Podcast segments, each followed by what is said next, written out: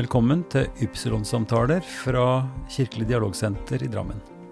Navnet mitt er Ivar Flaten, og i denne episode nummer 67 er jeg så heldig å få snakke med Kari Ulleberg. Kari har drevet glasshytte i over 40 år, og de siste 16 åra på Grønland i Drammen. Hun vokste opp på et småbruk bestefaren drev på Hostvedt, ikke langt fra Kongsberg.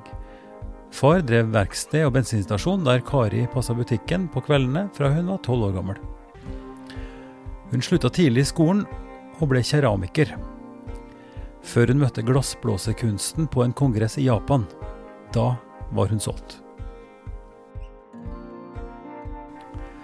Kari Juleberg, tusen takk for at eh, jeg fikk komme og snakke med deg i dag. Bare hyggelig. Jeg sitter i en eh, hyggelig leilighet eh, like langt fra glasshytta, mm. som du har bestyrt og bestyrer med, skal vi si, ikke hard hånd, men med stødig hånd i mange år har gjort. Ja, det tror jeg er riktig. Si litt om eh, hva, hva, du gjør. Hva, hva er det å være i ei glasshytte?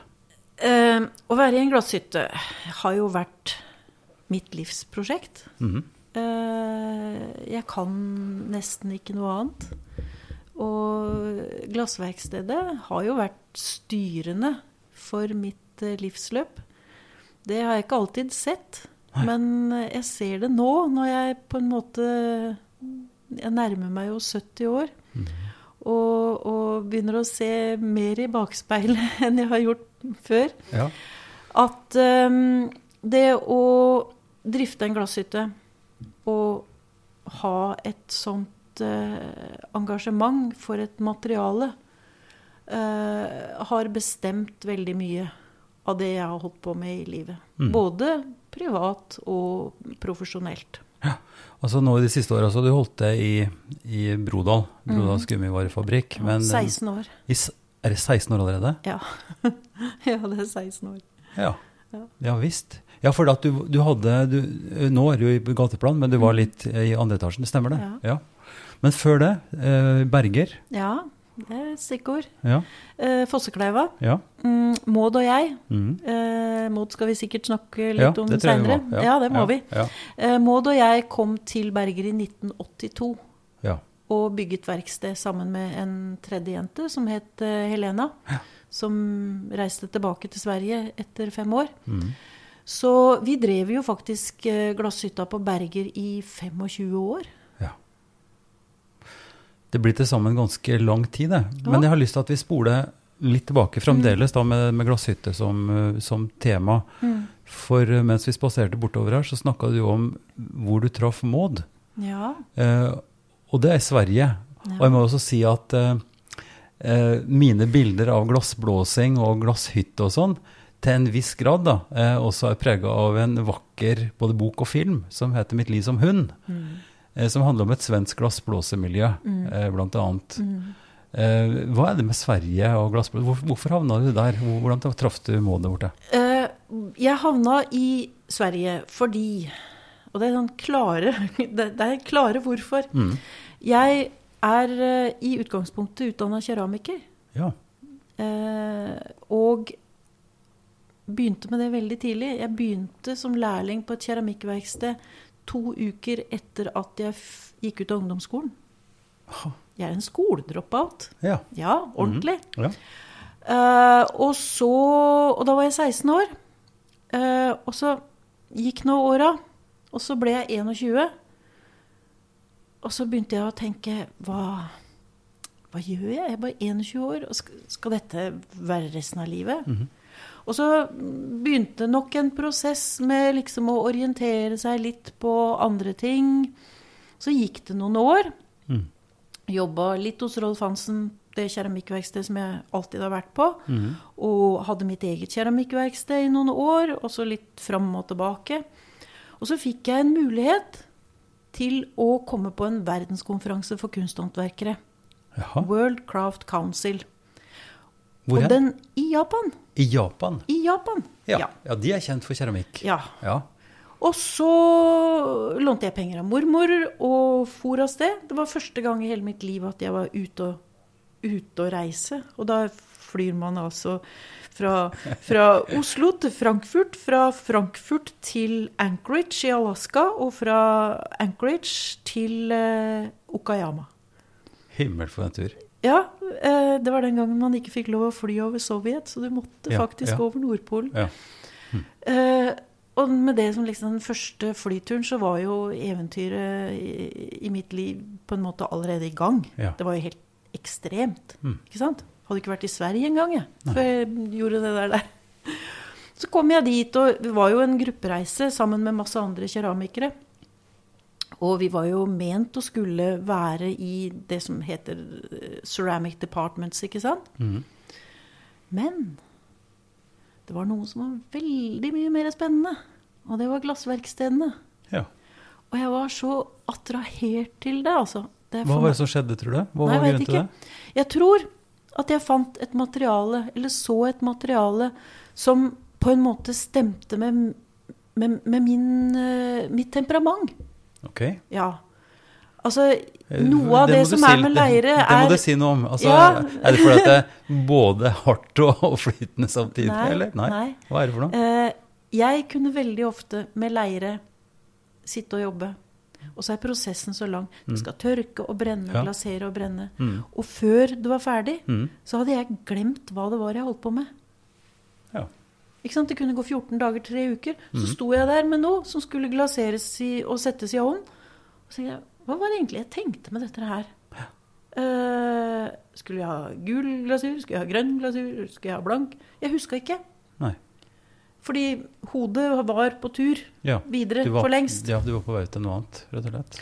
Og glass er veldig annerledes. Det er ferdig fra en dag til en annen. Så jeg mister ikke den derre eh, tankerekka som jeg står i. Men formbarheten, da? Ja, den er jo for så vidt nesten den samme. Ja. Men du kan gå fra noe. Det er rart å tenke Den er på. mer intenst på glass, altså. Det er rart glass, å tenke altså. på, eh, fordi glass er jo så altså Det er jo keramikk og hardt, Ja. men du tenker, men leire er noe som vi har et forhold til. Ja, De fleste ja, har drevet ja, ja. dolka De med det på fleste har hatt henda i det Ja, ja, på en eller annen måte. Men glass, liksom, Ja. der kjenner vi nesten bare ja. Du de kjenner fleste varmen. Vi, ja, men vi, vi kjenner vel bare resultatet. Ja, altså- de fleste gjør nok Ja, det. Ja. Mm.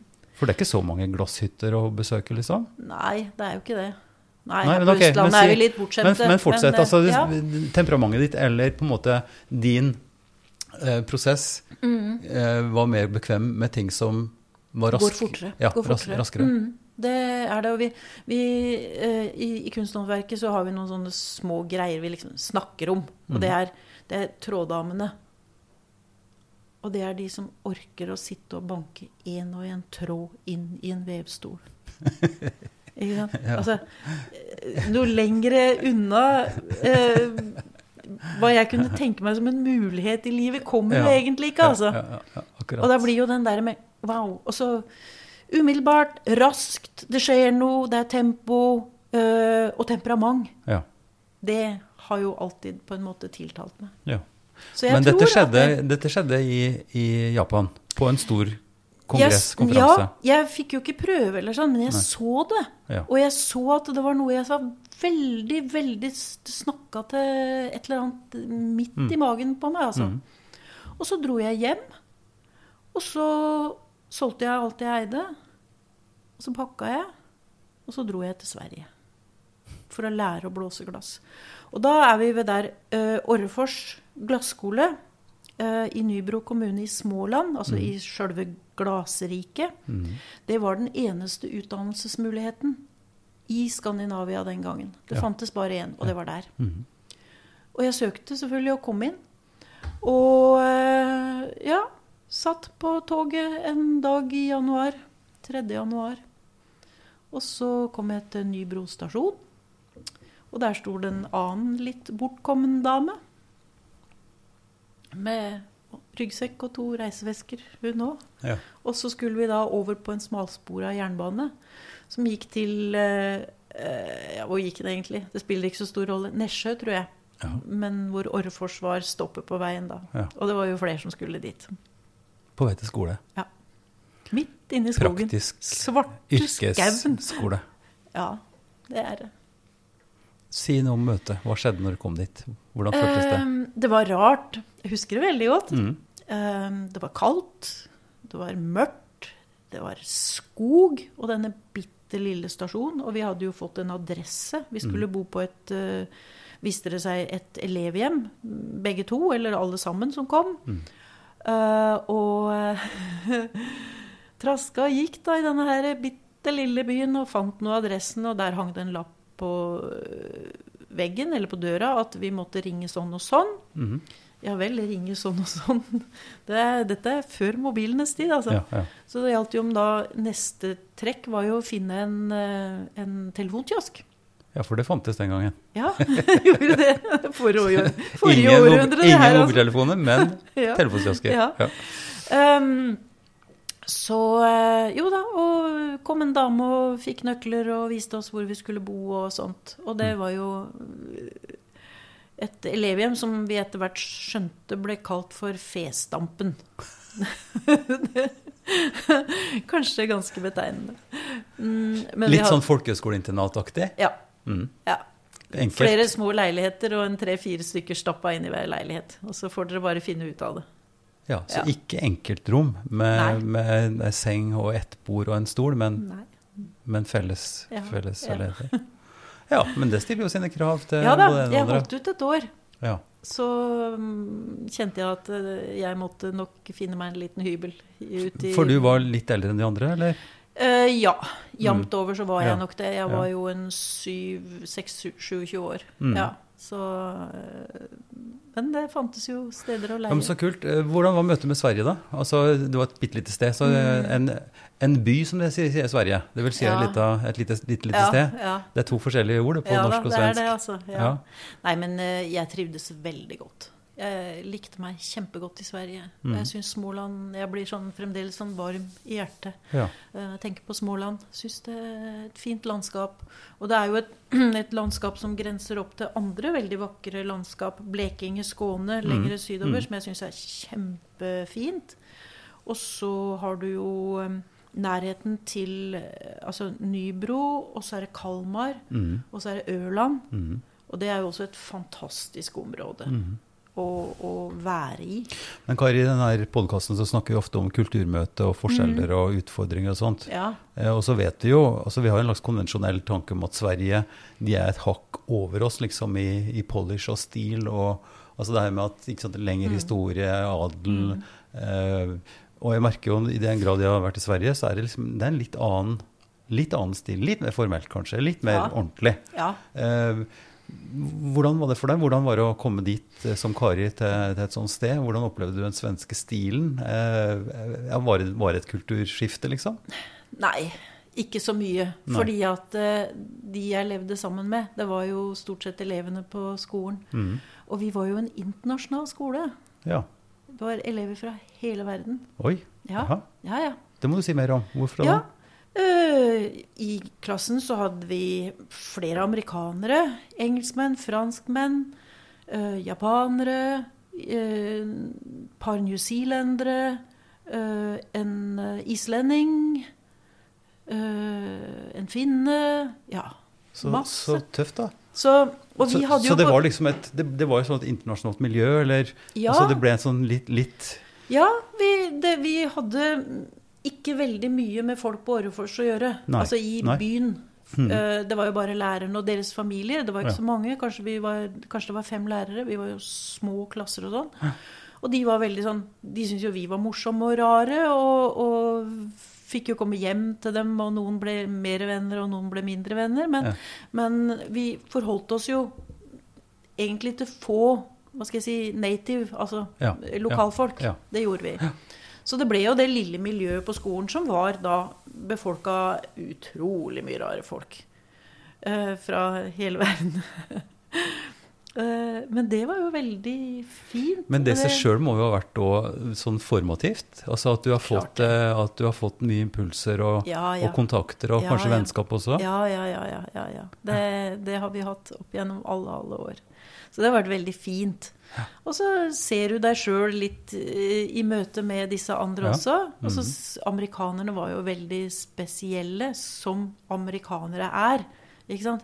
De kom der de kom der og var amerikanere. De kom og var amerikanere. Ja, de var det, altså. On top of the world, liksom. Ja, ja. veldig ambisiøse og eh, tok jo liksom tok kunnskap. Vi andre, vi fikk, de tok. Ja. Hvis du skjønner forskjellen.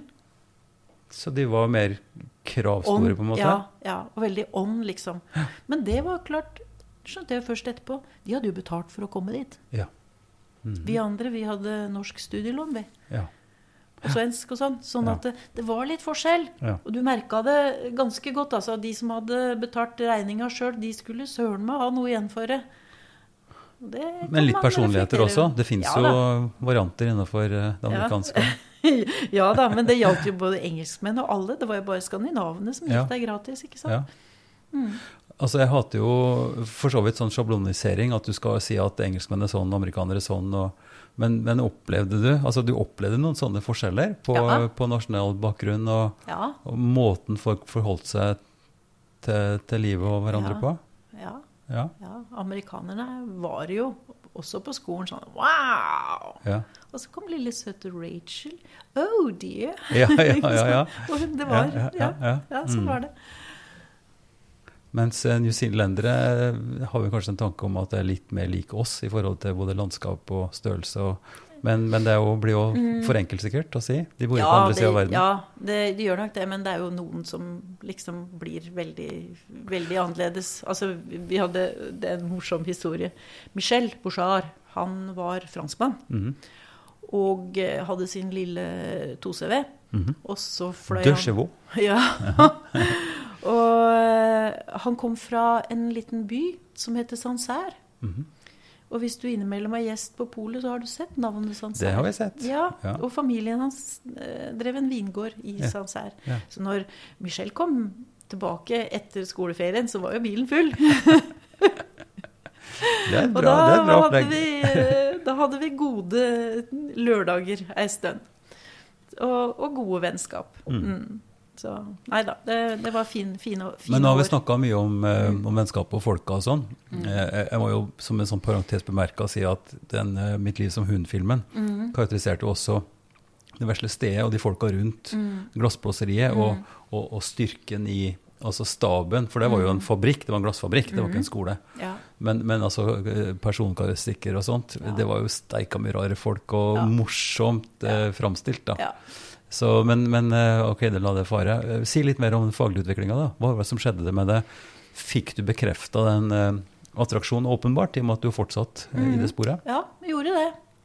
Trivdes veldig godt. Trivdes uh, i hytta, glasshytta. Mm. Eh, det var Jeg hadde aldri vært i en glasshytte før, bortsett fra den i Okayama. Jeg hadde ikke vært på Hadeland en gang. Nei. Og det er klart at uh, i første runde så er du jo vettskremt. Altså opp etter veggen vettskremt. Fordi, Det er jo så skremmende. fordi Det er jo så varmt. Ja. Og du brenner deg hele tida. Altså, det var ikke en dag uten at du brant deg. Hm. De første tre ukene så var det jo ingen av oss som hadde verken øyebryn eller øyevipper eller, eller hår foran i panna. Nei, fordi ja. du er for sein, du er for treg, du blir stående for lenge. Ja. Men alt dette kommer jo med, med Det ser ut som du har både bryn og hår i ja, orden nå. Ja, nå er det alt i orden. Ja, ja. Men, eh, men eh, det var ganske skummelt. Og det var veldig mange som slutta i løpet av de første to månedene. Ja. Fordi de rett og slett ikke fiksa det. Ble for heftig. Det ble for heftig. Mm, det gjorde det. Og det ble vi fortalt. Mm, Vi hadde jo en sånn litt morsom historie med eh, Skandinaver er som skandinaver. Og vi var veldig mange i klassen da vi kom. Altfor mange i forhold til den plassen vi hadde. Mhm. Så vi for jo til rektor i Nybro og satte oss inn på hans kontor og fortalte han at vi var altfor mange. Det gikk ikke an å ta inn så mange elever på så lite plass. Ja, ja. Så lente han seg tilbake og sa Venta ni några veckor, så får vi talas. ja. Ok, var det for svar, liksom? mm. Men det stemte jo. Etter noen uker så var vi bare halvparten. Så han visste. Han visste. Han Mm. visste hvor mange Ja. som kom til å hoppe av.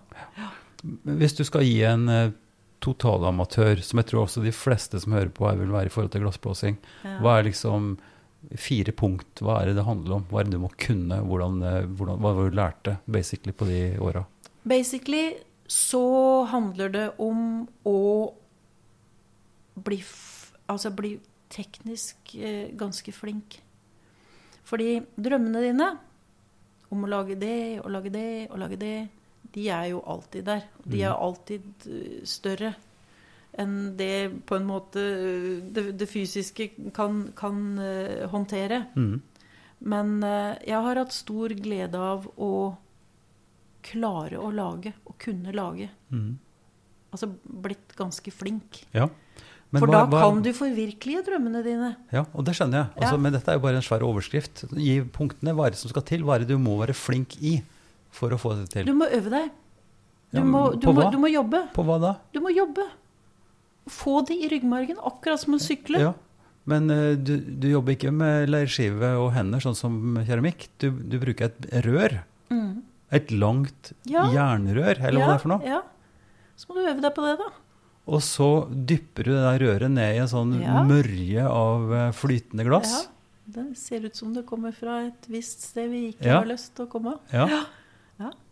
Og så må du blåse. Og så fiske opp det, og forme det, og blåse. Ja, forme det med tyngdekraft og Med, pust. Og vått papir og pust. Og vi har jo forskjellige verktøy vi kan bruke til å forme det.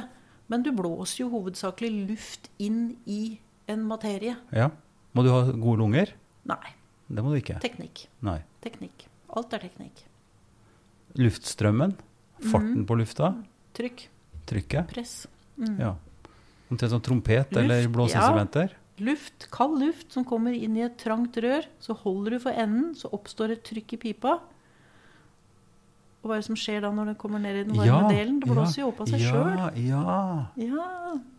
Det nettopp. sånn, Og så vrir du på det for å få at det skal Ja, du må holde det i balanse Ja. Mm. hele tida. Du må jo Altså, det er jo kontinuerlig bevegelse. Ja. Altså, jeg kan ikke holde i en penn uten å snurre på den pennen. Jeg kan ikke holde i noen ting Nei. uten å snurre på det. Fordi at Ja. Er et mareritt i Ja. selskap, for jeg sitter sånn hele tida.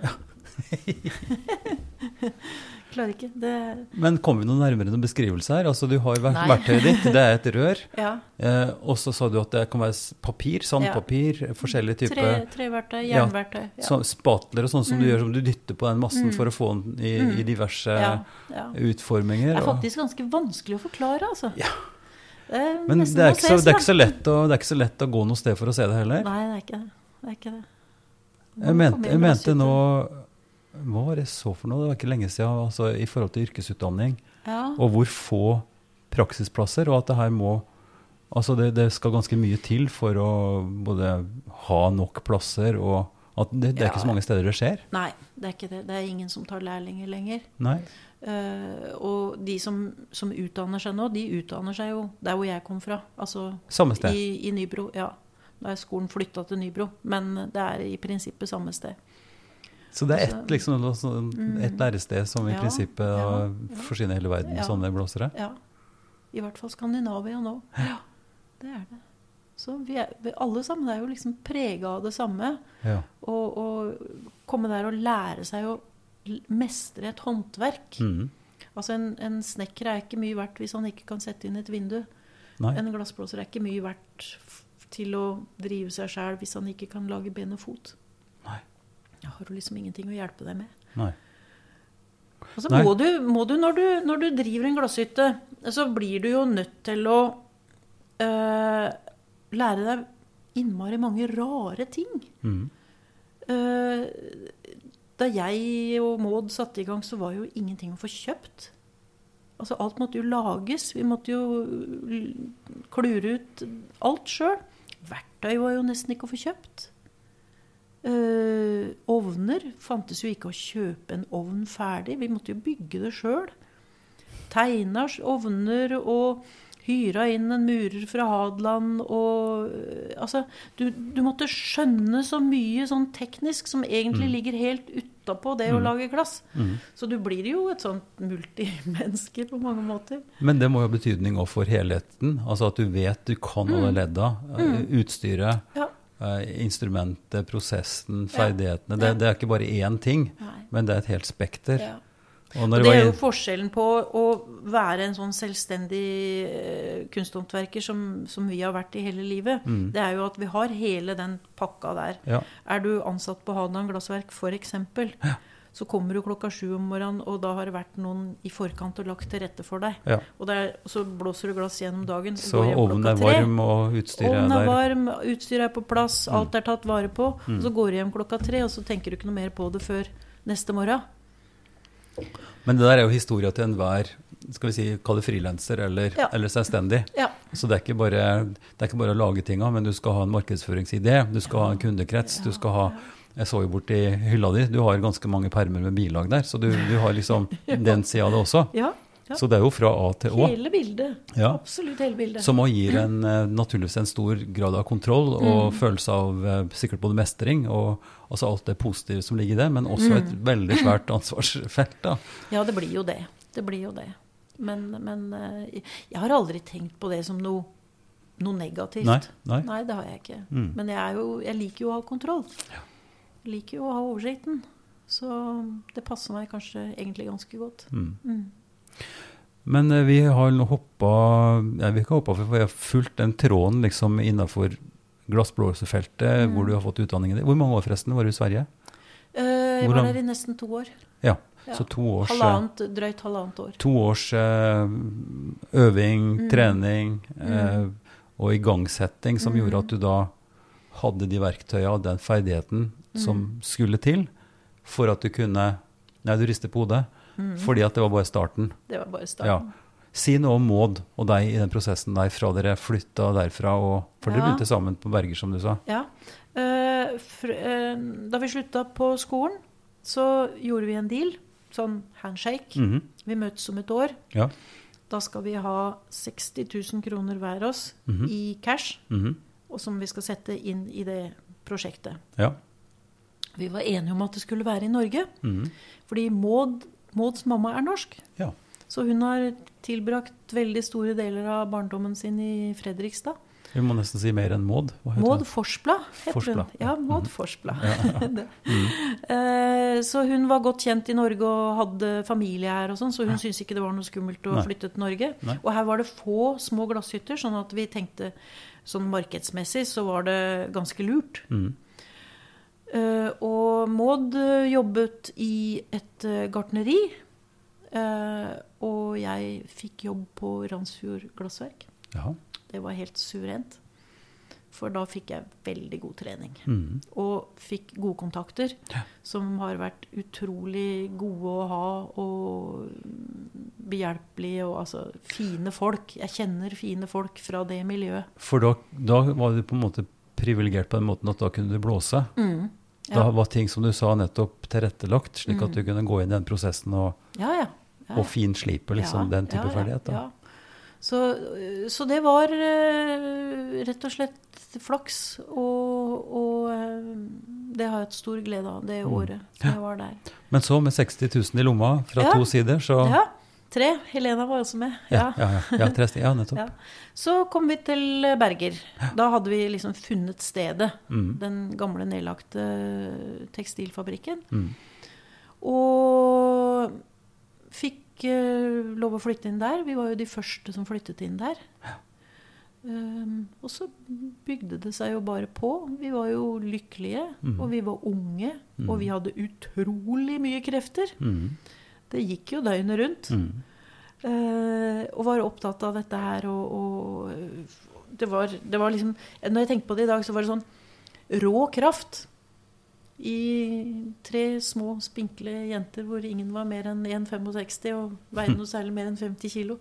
Men eh, det, var, det var helt fantastisk. Mm. Og det var en sånn periode i livet hvor du Du er jo veldig formbar. Det er jo de formbare åra. Og jeg tenker veldig mye at vi i de første ti åra der, så ble vi liksom på en måte de som vi skulle bli. Mm. I, I prosessen med hverandre, i det å Mm. finne ut av yrket, Mm. finne ut av livsstilen, Mm. arbeid døgnet rundt, nesten. Ja. Ja.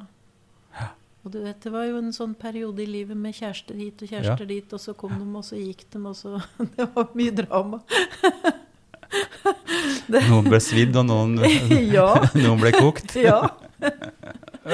Ja. Det var, på den måten så var det et helt alminnelig liv for en Ja. en 5-26-åring, altså. Ja. Ja.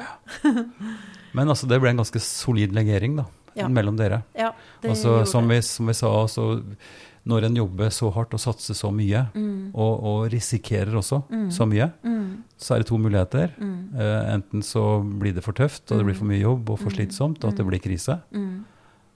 Eller så blir det en veldig sterk legering, som vi pleier å si. Ja, Altså et ja, sterkt samhold, ja, står rygg mot rygg og tar alt. Ja. Klarer Det alt. er, eh, vi, vi, var, vi, var, vi har vært heldige. Jeg tenker det er heldig. Mm.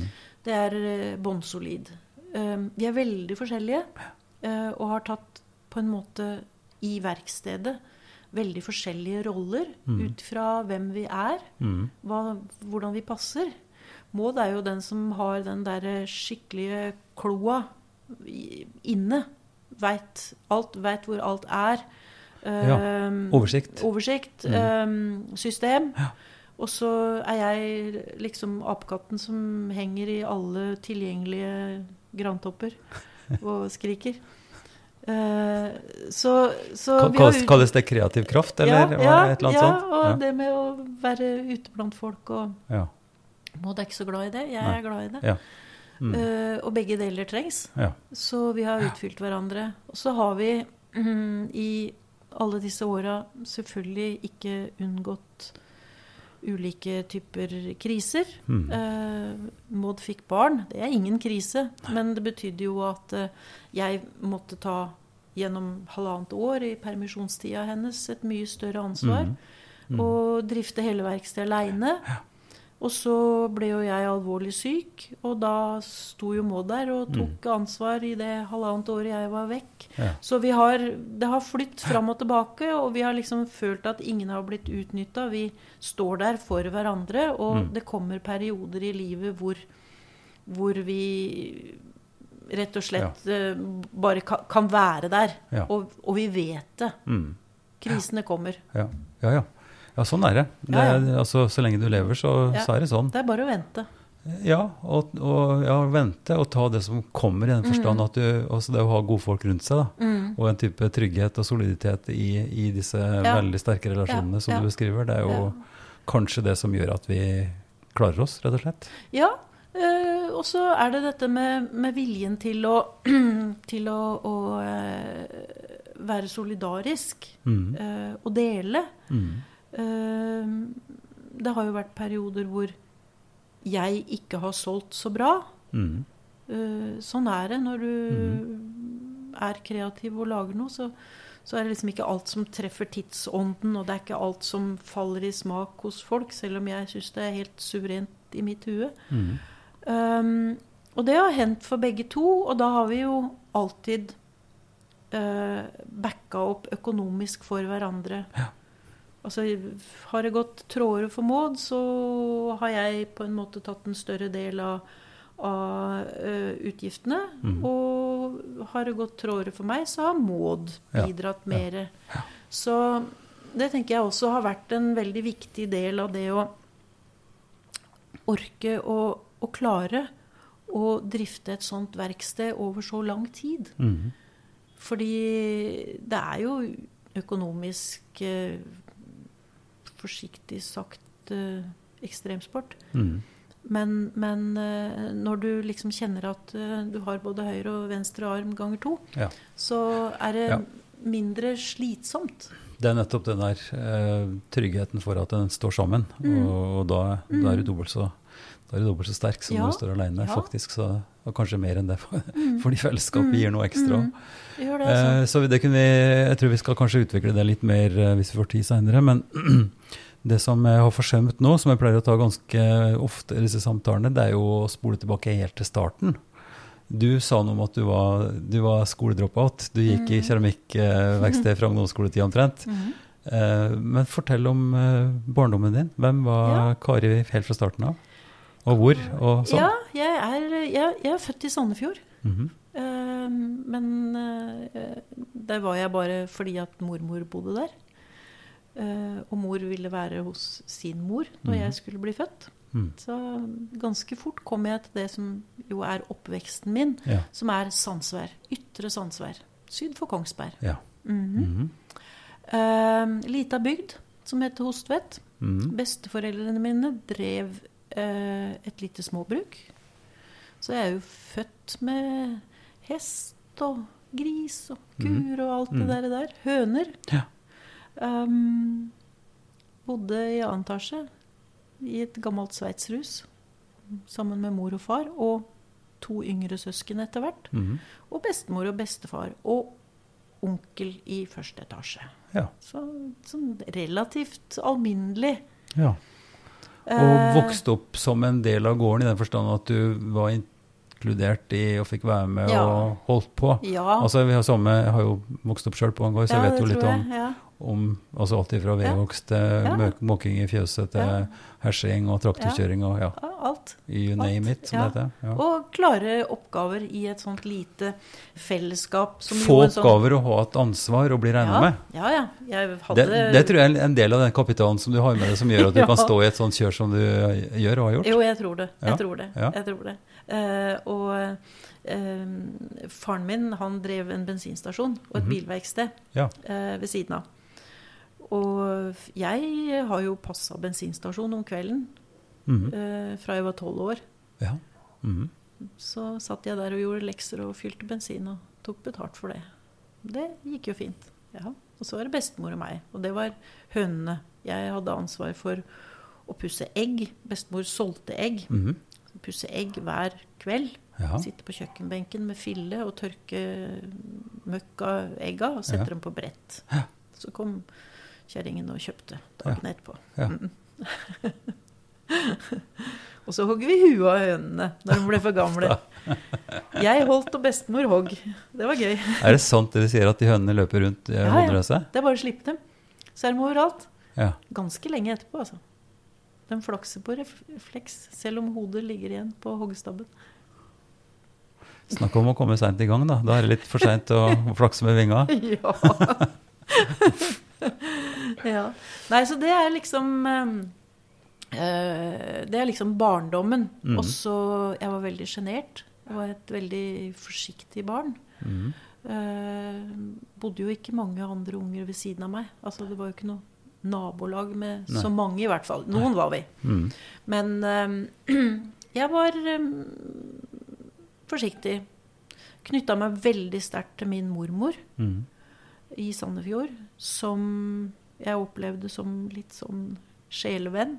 Og så Mhm. bodde jeg hos henne et helt år, fra jeg var fem til seks, Jaha. fordi mor var syk. Ja. Uh, og det var vanskelig å liksom passe på meg, da. Mhm. Uh, og mormor var en utrolig fin, livsglad dame. Mm. Jeg tror vi har snakket litt om det før.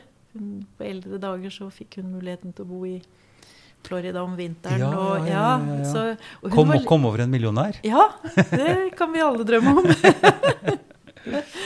men, men hun var en um, veldig livsglad og veldig livlig dame. Mm. Og noen ganger så har jeg sagt at hun kunne ikke, hun kunne ikke lære noen, noen barnebarn å strikke eller noe sånn fornuftige greier. Men jeg lærte å spise hummer. Ja. Og jeg lærte å drikke champagne. og alt det der er litt sånn Hva var det, det eh, fem-seks år du sa? Eller? Ja. ja. alt det der litt Ops. Det er kanskje sånn som du kan Ja. klippe bort etterpå. Det, det, det festlige sto mor, i verden sto mormor ja. for. Ja. Høres veld, veldig, veldig fint ut. Eh, Jeg pleier også å spørre om verdiforankring og disse tinga rundt tro livssyn og Mm. praksiser rundt det, høytider. Eh, Hva slags minner har du fra, fra det? Eh, jeg tenker eh, bestefaren min, bestefar Paulus, mm. av alle ting, mm. han var eh, ateist. Ja. Erklært. Mm. Og han hadde en politikk som sa at han skulle ikke i kjerka før han kom med beina først. Nei. Og sånn ble det. Ja. Men det var ikke noe problem. Det Et tradisjonelt bondemiljø mm. hvor eh, kirken var for de store anledningene, ja. og egentlig ikke noe særlig utover det. Vet, Det- til, til og med hvis du ser på gamle malerier og sånn, og gammel Mm. praksis rundt gravferd, Ja. så var jo heller ikke kirka noe, Nei, noe sted for gravferd, Nei. fordi det var jordfesting. Mm. Eh, og da var det ofte sånn på bygda, som du Mm. sikkert vet, at, Mm. at da blir de døde sunget ut av Ja, en annen hø- høvedsmann, Ja, og så, lagt på eventuelt på vent på Mm, låven. Mm. Og i verste fall, hvis det var presten var veldig sjelden der, så ble også den døde begravd, Ja. men med en stokk på lokket, Mm. slik at presten kunne komme og, og kaste jord på gjennom ikke sant? Ja. Og, og, sånn at det nye, altså at kirka nå i så stor grad har begravelser, og, Mm. og, og, og det er mye god tradisjon knytta til det, det er relativt, Det er nytt, ja. relativt nytt. Ja, ikke sant. For kirkene er jo ikke, se gamle kirker har jo ikke plass til, til katafalk, Nei, og til, til, altså så det er for trangt. Så det er ikke tenkt sånn i utgangspunktet. Nei, det er nok ikke Nei, når du sier det. Ja. Ja. Nei, men, det, men bestefar var jo liksom i konfirmasjon og sånn, så Mm. husker jeg bestefar venta hjemme. Ja. Ja, Han skulle ikke være med på det. Nei, Så- for han måtte ikke. Nei. Det var ikke så, det var, det var ikke så seint at han ikke ble konfirmert. Eller ble ikke, altså, for i gamle dager så ble du ikke, kunne du ikke gifte deg eller noe som helst Nei. uten konfirmasjon. Men det var jo tross alt en god del tidligere enn det. Ja, det var det. ja, ja. Mm. Nei, så, så det Jeg, Jeg vokste opp eh, som så mange andre med den måten å møte eh, prest og kirke på. Avstand. Avstand. Høytidelig. Ja. Litt, litt Ja. sånn øvrighetsopplegg. øvrighetsopplegg. Bestemt. Ja. Nå var jo, nå var jo eh, Far drev jo denne bensinstasjonen, og vi hadde en prest i Hedenstad kirke. En ung mann med langt hår. Det var Det var, det var noen skumle greier når han kom. Ja. Men han var alltid ute i siste lita. Og han eh, bodde litt lenger syd i bygda, så han skulle opp til kjerka på Hedenstad. ja. Og så var han tom for bensin. Og så, men han hadde ikke tid til å betale. oh ja, Nei, nei, så det var liksom bare å få kasta på ti liter. Og, Ja. så, og så, så han kom seg opp, da. Så Ja. han kom innom på veien tilbake igjen og fikk betale og fylle på resten. Og da er det jo prester, og det gjør at de har det så travelt hele tida. Ja. Det er liksom en sånn konvensjon. Jeg tror ikke det er riktig, men folk Nei. tenker sånn. Men han var jo bilde på det. da, Han var bilde på det. Det husker jeg. Han har sittet og stø- strevd med preka nå, vet du, så lenge at han har glemt tida, sikkert. Ja, det vet ikke jeg. Men han var, det, det var liksom den første moderne presten Ja. i Sandsvær. Ellers så hadde vi jo sånne tradisjonelle eh, litt eldre prester som eh, det sto mye respekt av. Mm. Mm, det var, ja. Men seinere Det er jo liksom Seinere så Jeg meldte meg ut av statskirken eh, i raseri. Selvfølgelig. Da jeg var sånn rundt uh, par og tjue år. Ok. Ja. Hva var du var sinna for? Jeg var sinna på presten. Jeg var jo ung, og jeg var jo idealistisk, og jeg var jo alt man skal være når man er ung. Ja, ja. Og jeg syns han behandlet en eh, jente jeg kjente, så forferdelig dårlig. Jeg Ja. tenkte at dette her skal ikke jeg være med på. Nei. Dette kan jeg ikke noe med. Nei. Sånn skal ikke en prest oppføre seg. Nei. Så meldte jeg meg ut, da. Mm. Så var jeg utmeldt i mange, mange år. Og hadde det egentlig helt greit med det. Mm. Men jeg skjønte jo at jeg på en måte ikke hadde forlatt uh, barnetroa mi. Mm. Eh, det visste jeg inni Mm. meg, Mm. men jeg tenkte det må jo være flere måter å kunne ja. eie den på. Og det er jo definitivt. Ja. Det, naturligvis er det det. Ja, Det skulle ikke være nødvendig på en måte å stå i statskirken for det. Men så kom jo da kanskje den største krisen i hele mitt liv. Um, hvor det ble riktig å på en måte vende tilbake. Men det tror jeg det er for veldig mange. Mm. Um, så da meldte jeg meg inn igjen. ja. I en alder av nesten 50 år. 48. Men eh, ja, jeg tror ikke du er Det er ikke så uvanlig altså når, når eh, livet tar litt nye vendinger, Mm. og, og så er det så har noe med røtter å gjøre, kanskje? Altså En sånn, Ja. sånn følelse av eh, noe tilknytning, noe som er litt større og litt Men, mm, ja, Eller det jeg vet der, ikke. med å, det der med å liksom på en måte Ja, røtter, anker, Mm. pleier jeg ofte å kalle det. Ja. Og det der med å, å ha behovet for å ha en slags mm, En himmel over deg. Altså Mhm. Eh, jeg kan ikke forklare det helt. nei. Men den ble veldig tydelig, og den ble veldig klar. Og det var ikke noe vanskelig å gå til Einar og si, vet du hva, nei. nå tror jeg det er på tide. Mm. Mm. Mm. Men, men, eh, men jeg kjenner jo veldig igjen det som du sa fra ungdomstida di. Og en sunn reaksjon på følelse av overgrep eller, Mm. eller maktmisbruk. Ja, maktmisbruk. altså majoriteten som skal liksom ja. Eh, og, og og det er vel heller ikke uten grunn at mange ser liksom presten som en sånn svær pekefinger.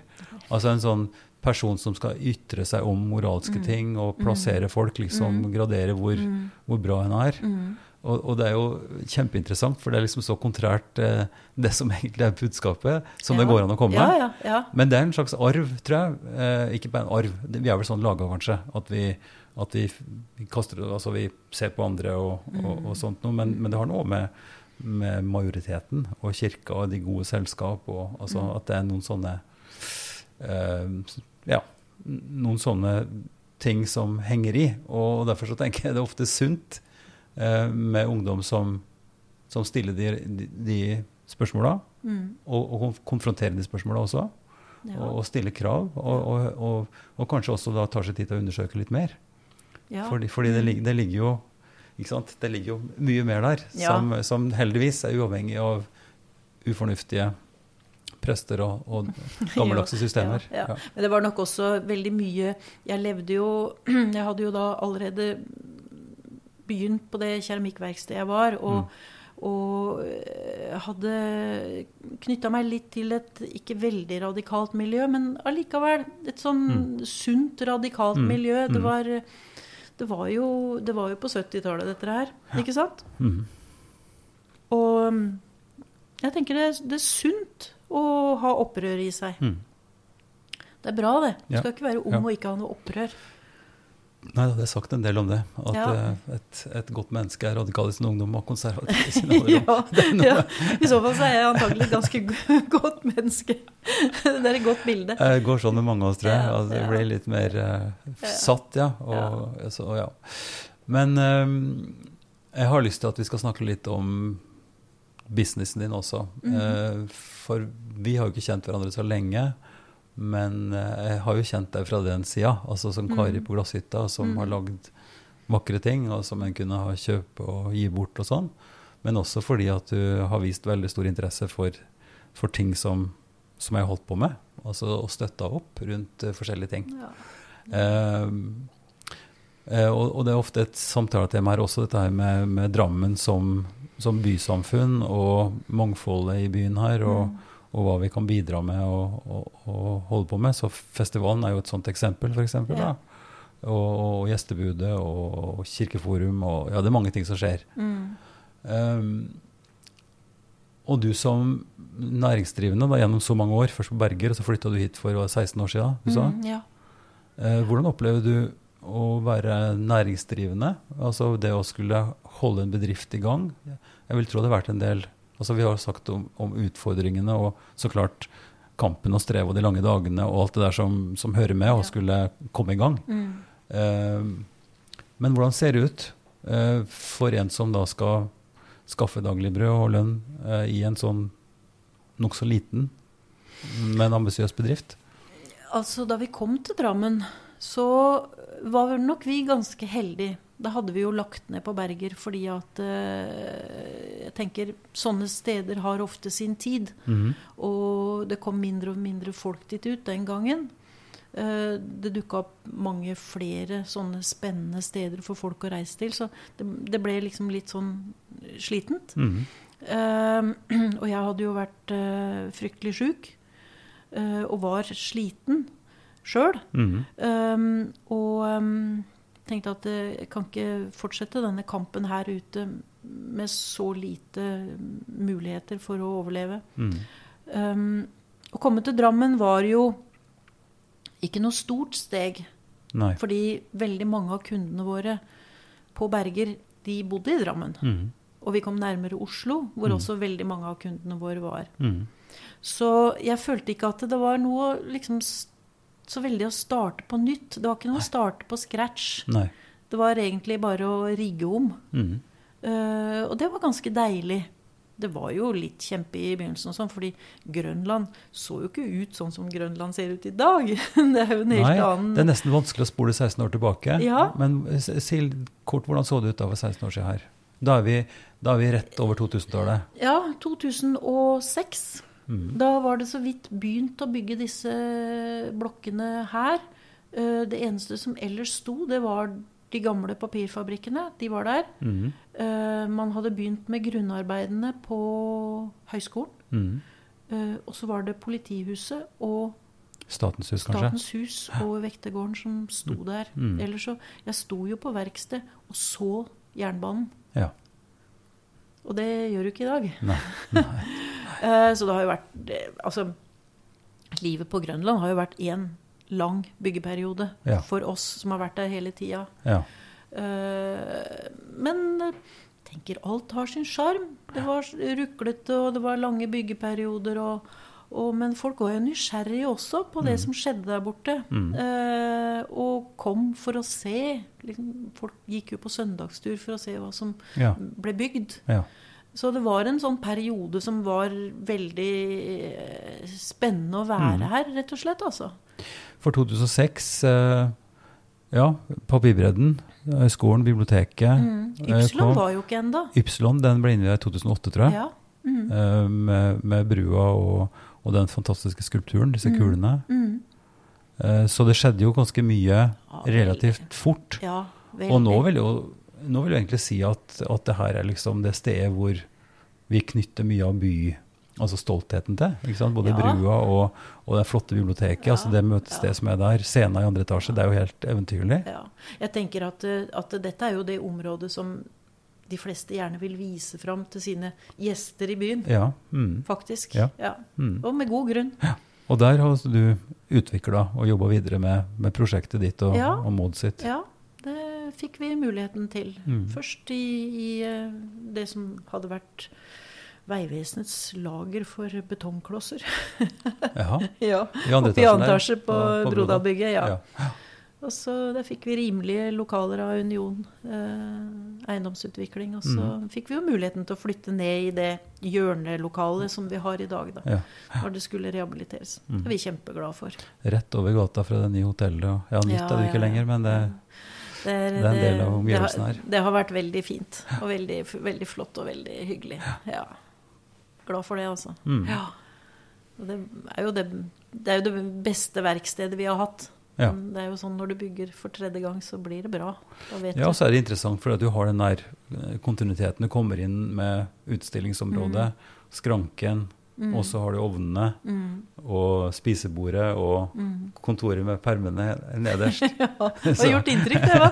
ja, jeg synes det. Ja, så jeg har streva litt med regnskap for min egen greier. Altså, jeg jeg syns det var litt kult at du faktisk har liksom så til de grader fra ATH da, Ja. i, i et hus. ja.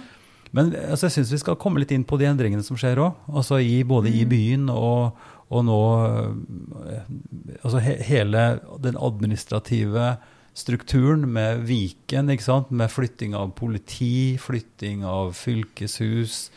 Altså alt det der. Eh, Jeg vet ikke hvor mye du har lyst til å si om det, men det er jo noen endringer i grunnlaget her.